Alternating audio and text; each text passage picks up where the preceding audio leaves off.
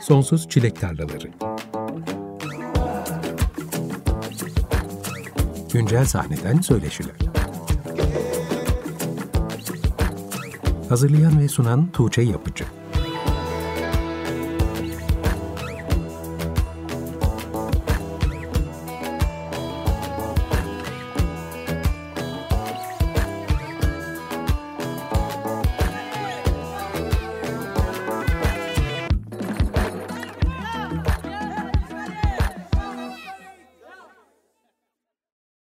95.0 Açık Radyo'da Sonsuz Çilek Tarlaları programındasınız. Ben Tuğçe Yapıcı. Programın açılışını Santi ve Tuğçe'nin 20 Ekim'de yayınlanan The Marvelous Real adlı yeni albümlerinden Solamente Los Amantes adlı parçayla yaptık.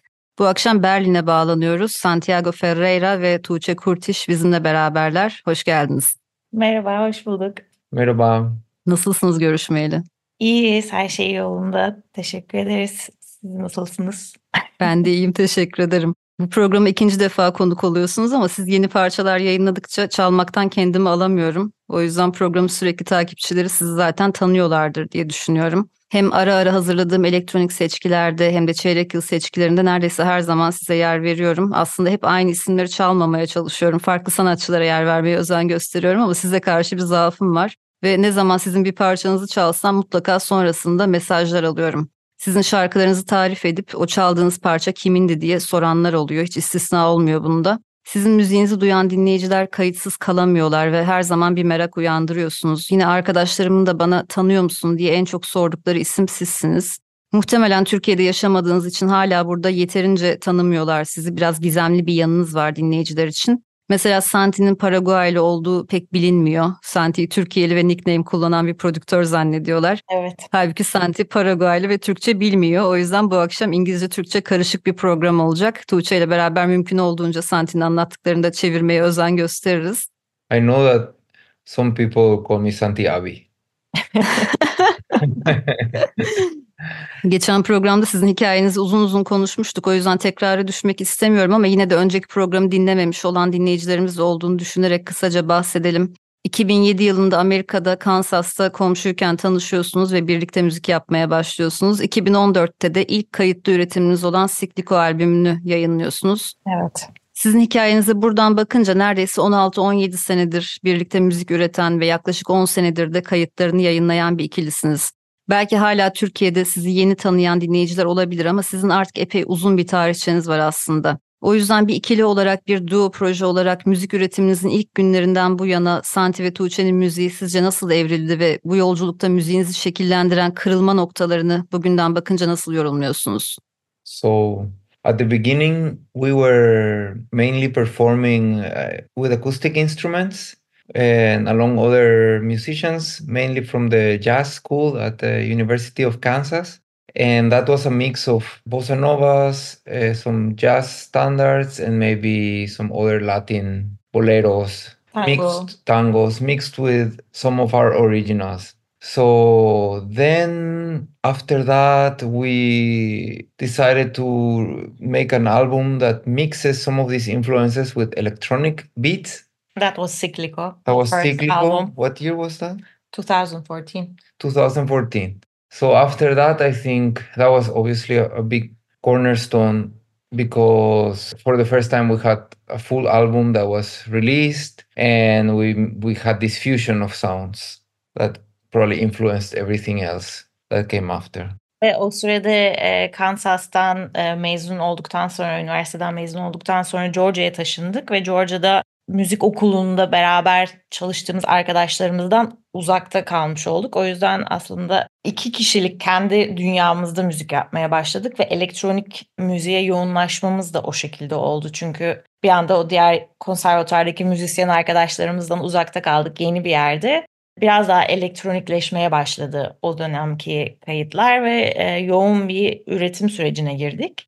Right. The other thing is that before that we were still students and we were doing different things and then we finished school and we had our day daytime jobs. I guess that that was like a big opening to thinking what are we going to do now with the music? Let's finish an album. And there wasn't a school where you're a student and you have exams, you have concerts in the school, you have this, that. Now we had like more of an open space to say, what do we want to do with the music? Where do we play? Where do we go from here? So that, that was another important thing that happened then. Ve beklenmedik bir şekilde aslında o ilk albümdeki parçalar Almanya'da radyolarda çalmaya başladı. Sanırım bizim için en şaşırtıcı olan belki de dönüm noktası olan bir yenilikti. Çünkü o dönemler e, Funkhaus radyoydu. Şimdilerde Cosmo Radyo oldu. Bizim o dönemde yayınladığımız bir Üsküdar'a giderken parçasının cover'ını yapmıştık 2015 o parça düzenli olarak yayına girdi. Sonra başka parçalarımızı da bazı e, radyolar e, çalmaya başladı ve o şekilde Berlin'le de bir bağlantımız oluştu. Tamamen müzik üzerinden biz o sırada Georgia'nın küçük bir kasabasında yaşayıp kendi evimizde kendi kendimize elektronik müzik yaparken bir anda müziklerimizi bu şekilde paylaşma şansımız oldu ve sanırım birkaç yıl sonra bizi Berlin'e getiren şey de burada hissettiğimiz müzikal bağlantıydı.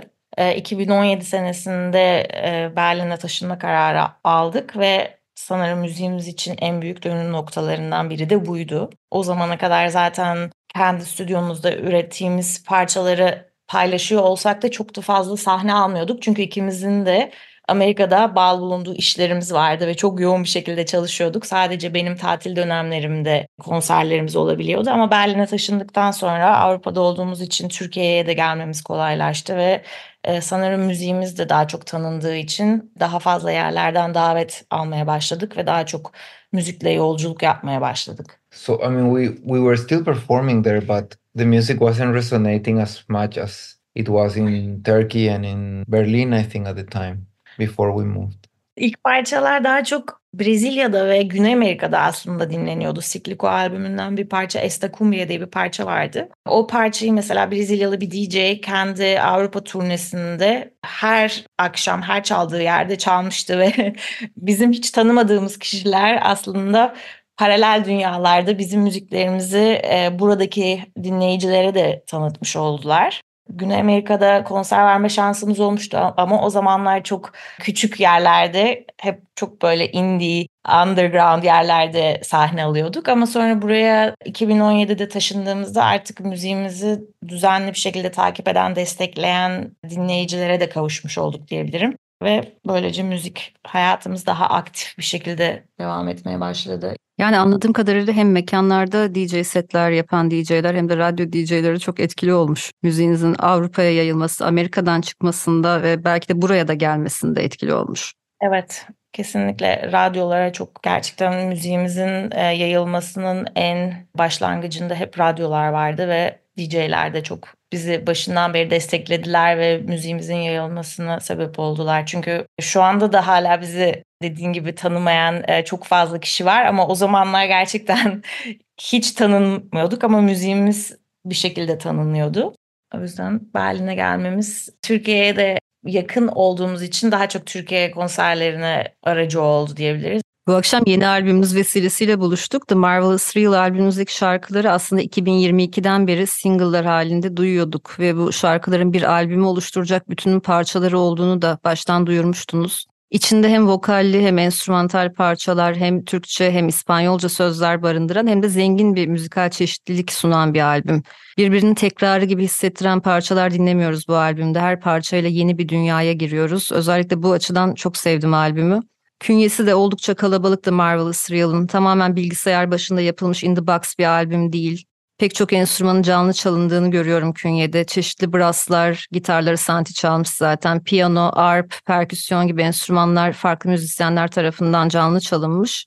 Bu da albümün organik hissini besleyen bir faktör. Benim bir dinleyici olarak çok ihtiyaç duyduğum bir şey müzikte insan nefesi, insan teması.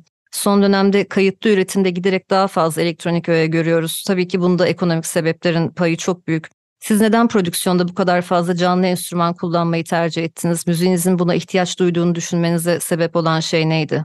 The live instruments has always been part. I, I think that's well, not from the beginning. I think actually at the beginning I was also doing electronic music in high school, and then I switched a little bit more to acoustic music. In school, I studied uh, classical music, where I did uh, music composition, and I focused for five years or so in orchestral instruments and then jazz instruments. So I think our releases are always a little bit of a back and forth. And in the Regreso del Gallito, we feature the harp and some more per- organic percussion and textures.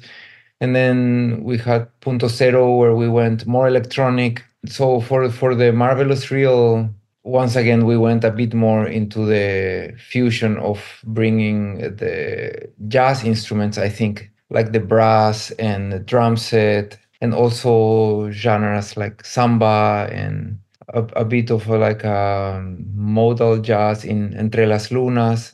I think these are ideas that just come in and out in waves, let's say. Bir de sanırım 2014'teki Sikliko albümüyle yapmaya çalıştığımız şeyi e, nihayet neredeyse 10 sene sonra Marvelous Real'la başardık gibi oldu diyebilirim.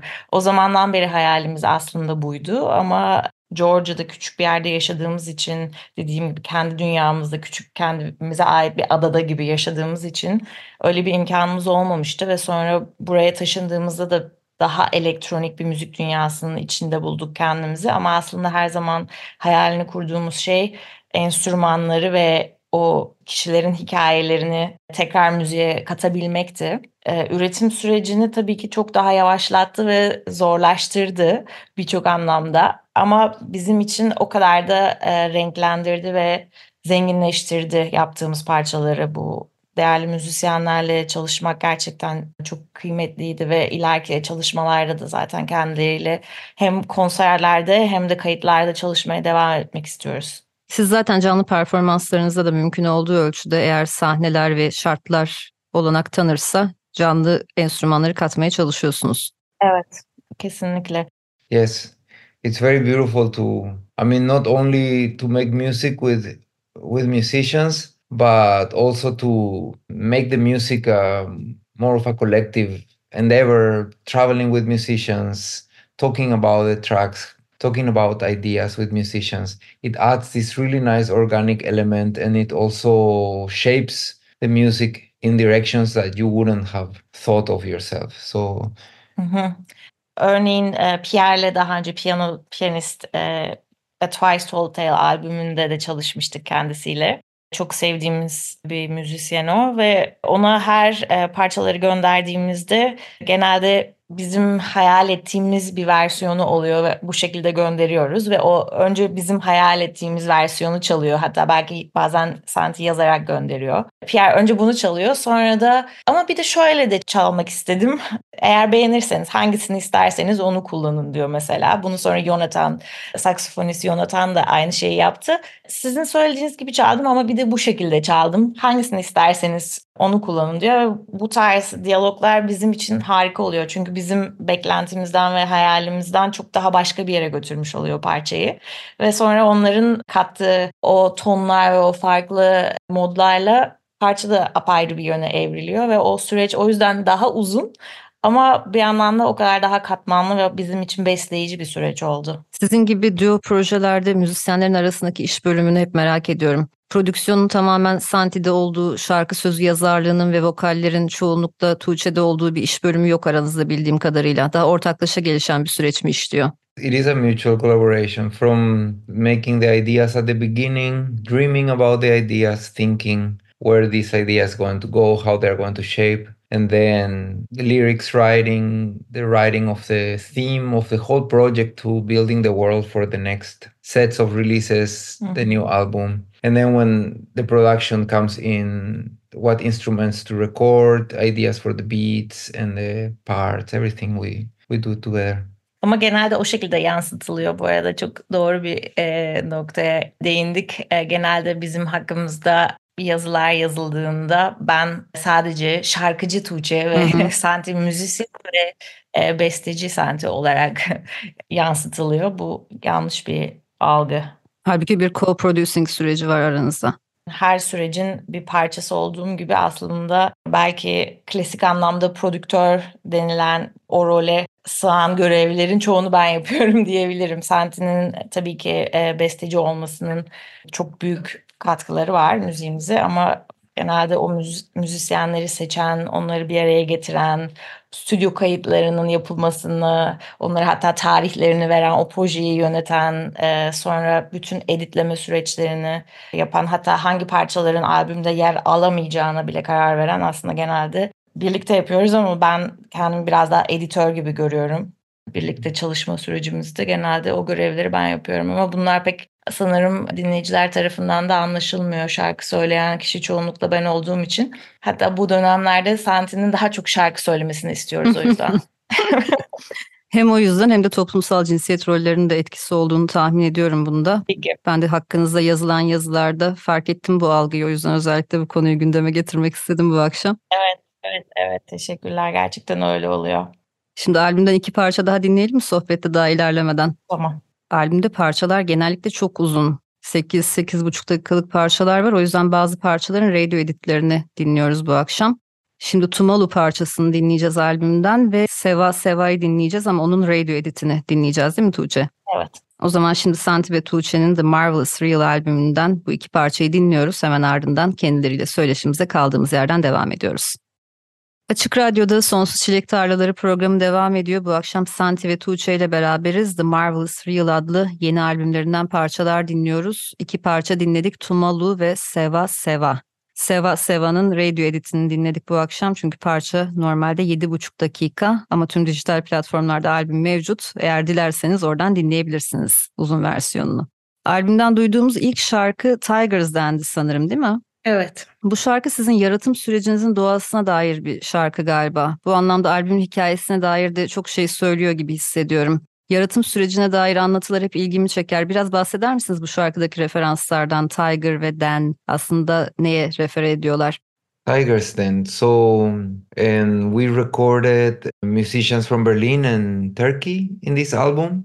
So, and and the the parts were all uh, composed. And also this track, I think, uh, is a fusion of jazz and brass section with electronics. And in terms of the story, I think Tuche is better for the story part of the world.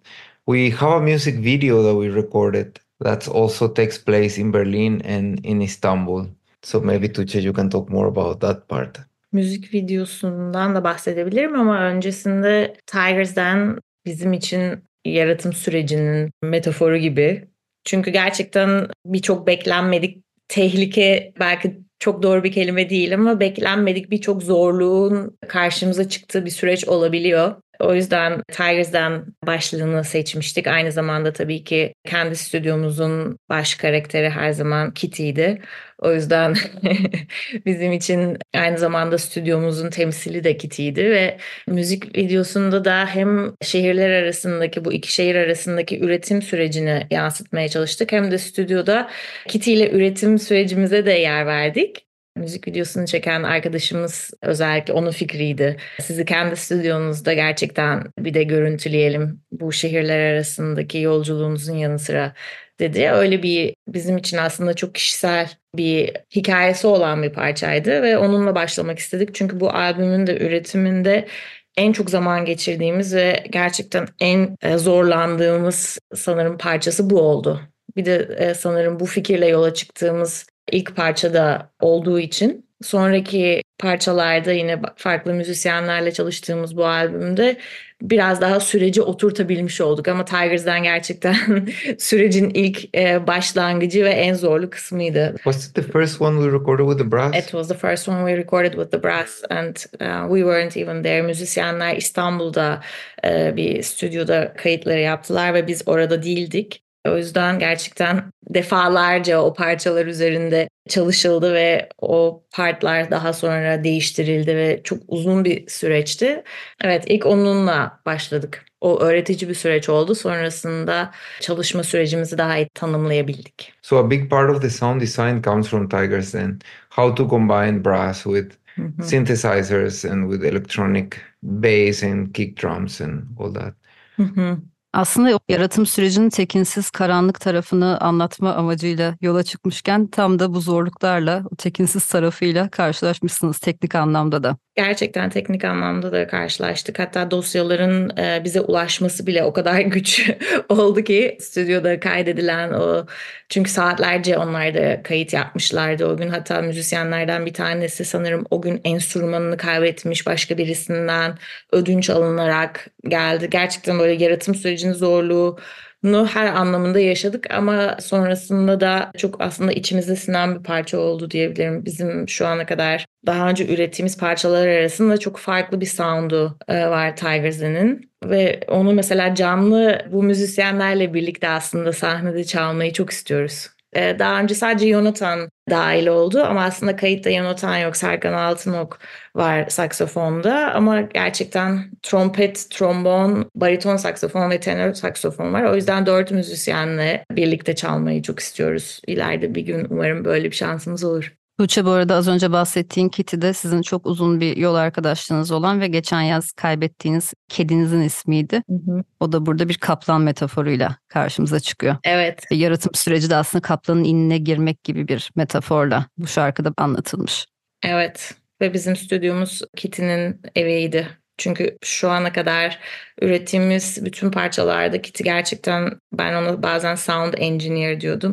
Çünkü bütün parçaların kayıt süreçlerinde özellikle bulunuyordu ve sonra da son o mixleme süreçleri onlar çok uzun süreçler saatlerce sandalyeden kalkmadığımız süreçler oluyor. O süreçlerde de hep kucağımızda olup hepsini onaylayan böyle bir, bir bizim yapım arkadaşımızdı. Şimdi artık stüdyomuzda bir e, beyaz adlı bir köpeğimiz var. Bakalım e, müziğimizi nasıl değiştirecek kendisi. Ama değişimini hissediyoruz bu arada. Kediler ne kadar cazsa köpekler de o kadar sanki böyle rock. Bakalım bir sonraki albüm nasıl olacak? Evet. Sizi programda Ağustos 2021'de konuk etmiştim. Yine pandeminin yükselişe geçtiği zamanlardı. Siz aslında konserler için sürekli seyahat eden, çok fazla dünyayı turlayan bir ikilisiniz ama o zamanlar sahnelerden uzak kalmıştınız. Türkiye'de durum pek parlak değildi. Dünyanın çeşitli yerlerinde de maskeli, mesafeli, oturma düzenli, kulaklıklı vesaire konser ve festival denemeleri yapılıyordu ama özellikle elektronik müzik söz konusu olduğunda bu çözümlerin hiçbiri tam olarak işlemiyordu. Festivallerde seyircilerin dans etme şansları olmuyordu. Elektronik müziğinde oturarak ve fazla mesafeli bir şekilde dinlenebilecek bir müzik olmadığını konuşmuştuk sizinle. Hı hı. Aradan iki buçuk sene geçti. Hayat normale döndü. Siz de yine yoğun bir şekilde sahnelere döndünüz. Ben de uzaktan da olsa takip ediyorum sizi ve her gördüğümde dünyanın başka bir yerindesiniz. Geçen yazdan beri nerelere gittiniz? Yakın zamanda nerelerde çaldınız? Bu sene gerçekten oldukça yoğun bir seneydi. Seneye sanırım Mısır'da girdik. Kızıldeniz'in e, önünde bir konserle başladık seneye. Sonrasında e, İsviçre'ye gittik. İsviçre Şubat ayında İsviçre'deydik ve oradaki ilk konserlerimizi küçük bir turne kapsamında gerçekleştirdik. Sonra Meksika, İtalya'ya gittik. Ibiza'ya ilk defa gittik. Portekiz'e gittik. Birçok aslında ilk defa konser verdiğimiz e, yer oldu bu geçtiğimiz sene içerisinde. Tabii ki Türkiye'ye geldik. Almanya'da konserlerimiz oldu bol bol Türkiye'ye geldik ve şu anda da bu seneyi yine Münih'te bir konserle ve sonrasında da ilk defa Kıbrıs'ta bir konserle bitireceğiz. Aslında şu anda biraz konserlere ara verdiğimiz bir dönemdeyiz. Yoğun yolculuklardan sonra e, yine biraz stüdyoya girme kararı aldık. Çünkü oldukça fazla parçamız birikti ve yolculuktayken bu parçaları üretecek fırsatımız çok olmuyor. O yüzden e, önümüzdeki ayları da biraz daha aslında mümkün olduğunca evde, stüdyoda geçirmeye çalışacağız. Sonra Şubat ayından itibaren tekrar ya da belki de Mart'tan itibaren tekrar seyahatler başlayacak. Ama sizin için güzel bir sene olmuş, tatmin edici bir sene olmuş gibi anlıyorum. Oldukça inişli bir çıkışlı bir seneydi bizim için ama güzel bir seneydi. Her zaman için yeni yerlere müzikle gitmek bizim için heyecan verici oluyor. Bu sene de çok güzel gerçekten e, dinleyicilerle bir arada olduğumuz çok güzel organize edilmiş konserlerde bir araya gelme şansımız oldu. O nedenle çok mutluyduk. Türkiye'deki konserlerimiz de özellikle bu sene çok güzeldi. O da bizi her zaman mutlu ediyor. Çünkü bizi en çok coşkuyla dinleyen dinleyicilerimiz Türkiye'de ve Meksika'da da öyleydi. Meksika'daki dinleyicilerimiz Türkçe parçaların sözlerini öğrenmişler. Aşk gibi söylüyorlardı. Şahane. hikayeyi söylüyorlardı.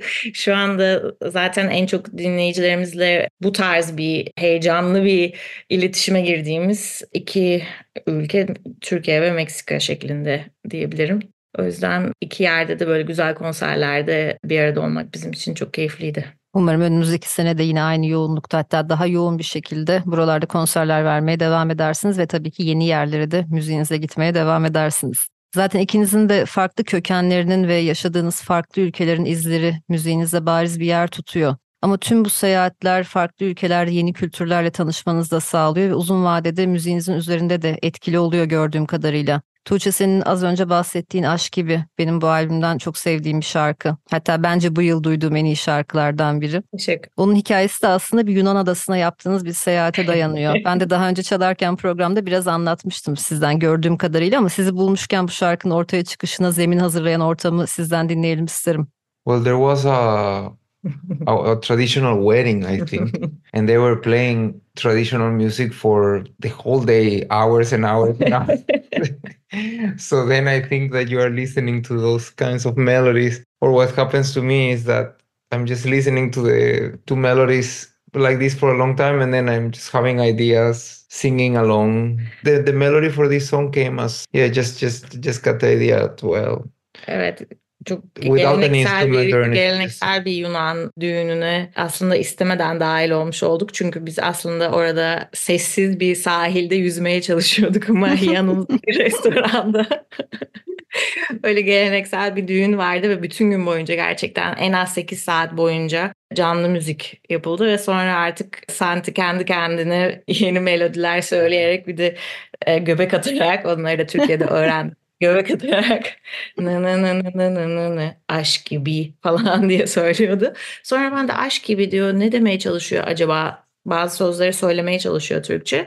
Sonra fark ettim ki ha, sen de aşk gibi demeye çalışıyor. Sonra benden bu parçanın sözlerini yazmamı istedi. Ama ben söyleyeceğim dedi. Bu benim ilk Türkçe söyleyeceğim parça olacak dedi. Ben de seve seve dedim ve sözlerini Santi için yazdım. Hatta sözleri Santi hakkında. Sonra ama benim kaydetmemi ve o kayıt üzerinden kendisinin çalışarak bu parçayı söyleyeceğini söyledi. Ben de kaydettim sadece onun çalışabilmesi için. Sonra çekindi Santi. You got shy. Hmm? you got shy to sing the Aşk gibi. It was supposed to be your first Turkish song. No, I think that we were in the middle of the production already, and then I felt that the key was too high, and I felt that with the the, the high, the high range of my voice, it really didn't work. So, and it was sounding so good when Tuche was singing already, and I was thinking also the range wasn't so good, and I was singing it, I was hearing it, and it wasn't sounding that I know what I'm saying. It was sounding okay, but I didn't feel that it's like I really knew or and then with the with the also the the pitch was too high so I thought okay maybe I need to practice more and transpose the song down and try again but the recording that Tuche did was sounding so good already and I said well let's just use your voice it's already working Ama bu parça aslında benim için hala bitmedi. Sen söyleyene kadar da bitmeyecek. O yüzden parçanın adını da zaten aşk gibi olarak yani Santi'nin ilk söylediği şekilde aşk gibi olarak Hı hı. e, ve bence bir gün Santi kendi aşk gibi versiyonunu söylemeli. Çünkü sahnede nakarat kısmında bana eşlik ediyor ve bence artık iyice hazır bu parçayı kendi başına söylemeye de. I think the song is not over for me until you actually sing your version. well maybe You can change one the key and Maybe we can ano- make another a different version. another song Yani konserlerinize geldiğimde duyabilir miyim? Santi'nin Evet söylüyor. söylediğini. Evet, söylüyor. I still want to have my Turkish song. And I was also thinking I'm going to get an electric balama. I'll, I'll learn it, I'll practice it, and I'll play with the electric balama on, on a show. So we still need to make that happen, I think. Yes. İleriki konserler için işte böyle e, sürprizler e, planlıyoruz ara ara ama tabii ki sonra hayatın akışında ve hız, hızında bazen bu fikirlere yetişemiyoruz. Çünkü her zaman daha fazla yeni parçalar birikmiş oluyor. Ama bu parçanın hikayesini paylaştığımız bütün arkadaşlarım, Türkiye'de yaşayan herkes Santi'yi cesaretlendiriyor ve aşk gibi benden değil ondan duymak istediklerini de söylüyorlar. O yüzden umarım bir gün ikna edeceğiz Santi'yi. Bir düet olarak ikinizden beraber duymak isterim. Konserlerde düet olarak söylüyoruz. O zaman heyecanla bekliyorum bunu göreceğim anı. Yine bunun gibi temelleri seyahatlerde atılan, farklı coğrafyalardan ilham alan başka şarkılarınız var mı bu albümde? Aslında Solamente Los Amantes parçası da bizi yine ilk birlikte müzik yapmaya başladığımız yıllara götürüyor diyebiliriz. Çünkü o parça biraz daha samba ve bossa nova'dan esinlenen bir parça ve ilk müzik yapmaya başladığımızda akustik müzik yaparken çok fazla iki gitar, iki ses şeklinde e, bossa nova ve samba parçalar söylüyorduk ve sonra kendi bu parçamızı yazdığımız zaman da bizi o günlere götürdü aslında. Any other geographic or like travel related influences on the songs that you can remember? While traveling, I think that the traveling always has an influence. And it's part of it is the music that you hear, the language, the places, the people, the way I think the way that people feel. I, I think that I I tune into that, we both tune into that. So when you are hearing, for example, regional music from places, and then you also experience how people are feeling that music, I think that's that's really influential. Hı. Solamente Los Amantes'te programın başında dinlemiştik. Ne demek İspanyolca? Sadece aşıklar gibi bir şey mi? Gerçekten. Hı hı. Hı hı. Ufukta görünen konfirme olmuş konserlerinizi de duyuralım isterim programın sonuna yaklaşırken. Yakın zamanda nerelerde izleyebileceğiz sizi? Galiba son konserler şimdi stüdyoya kapanmadan önce. Evet, bu senenin son konserleri 15 Aralık'ta Münih'te ve sonra 22 Aralık'ta Nikosya'da, Kıbrıs'ta olacak. Sonra önümüzdeki sene Costa Rica'ya gideceğiz. Costa Rica'da aslında seyahatlerden bahsetmişken Terminal Caribe albümümüzün hikayesi de oraya dayanıyor. O yüzden o 2000 sanırım 18 yılında mıydı? Terminal Caribe'yi yayınlamamız. Ondan beridir Costa Rica'ya gitmedik. Şimdi oraya tekrar yeniden gideceğiz. Bir Envision Festivali diye bir e, güzel festival kapsamında. Sonrasında da yine Almanya'da ve Hollanda'da şu anda kesinleşmiş tarihlerimiz var. Ama biraz daha yavaş bir döneme gireceğiz şimdi. Biraz çünkü stüdyoya ağırlık vermek istiyoruz. Seyahatlerimizi belki bahar sonu ve yaza doğru hızlandırırız ama bu dönemde o kadar çok parça birikti ki şu an onlar üzerinde çalışmak istiyoruz. Yakın zamanda Türkiye için herhalde ufukta görünen bir tarih yok gibi. Belki de baharı veya yazı mı beklememiz gerekecek? Bazen Türkiye'deki konser ve organizasyonlar çok hızlı bir şekilde olabiliyor. Pandemiden beri öyle bir durum oldu burada. Evet, o yüzden biz de şaşırıyoruz aslında. Bir anda başlıyor ve özellikle de Türkiye'ye geldikten sonra bizim orada olduğumuzu sanırım gören kişiler oradayken davet etmek istiyorlar. O yüzden Türkiye konserleri böyle çok önceden kestirebileceğimiz tarihlerde olamıyor. Öyle olmasını ben aslında çok isterdim. Çünkü daha güzel bir şekilde organize edebilmek için orada geçireceğimiz zamanı ve konserleri birbirine bağlayabilmek için tabii ki. Ama şu anda kesinleşen tarihler daha çok Avrupa'da ve Costa Rica'da. Peki o zaman takipte kalıyoruz Türkiye konserleri için. Umarım yakın zamanda izleyebiliriz sizi burada. Çok teşekkürler bu akşam burada olduğunuz için. İki buçuk yıl aradan sonra sizinle yeni albümünüzle tekrar buluşmak çok güzeldi. Son olarak eklemek istediğiniz bir şey olur mu? Biz çok teşekkür ediyoruz programında bize yer verdiğin için ve müziğimizi paylaşarak da bizi desteklediğin için çok değerli, çok kıymetli. Teşekkürler. Her zaman. And well, thank you very much for having us once again in your show. Always a pleasure uh, chatting with you about music and cats. Aa, evet. Bu haftalıkta Sonsuz Çilek Tarlalarının sonuna geldik. Bu akşam Berlin'e bağlandık. Santi ve Tuğçe ile beraberdik. 20 Ekim'de yayınlanan The Marvelous Real adlı son albümlerini konuştuk. Aralık ayı benim için oldukça eğlenceli geçiyor. Çok sevdiğim, çok dinlediğim sanatçıları ağırlıyorum bu ay. Gelecek hafta yılın son konuyla beraber burada olacağız. İsmini de açıklamak istemiyorum şimdiden. Sürpriz olsun istiyorum ama bu seneye güzel bir kapanış yapacağız. Söz veriyorum. Sonraki haftada artık 2023 seçkisini dinlemeye başlayacağız ve yavaş yavaş bu seneyi kapatacağız. Ve tabii ki orada da Santi ve Tuğçe'yi tekrar dinleyeceğiz. Bu akşam son olarak sizlere Santi ve Tuğçe'nin Aşk gibi adlı parçasıyla veda ediyoruz. Gelecek hafta görüşünceye kadar hoşçakalın.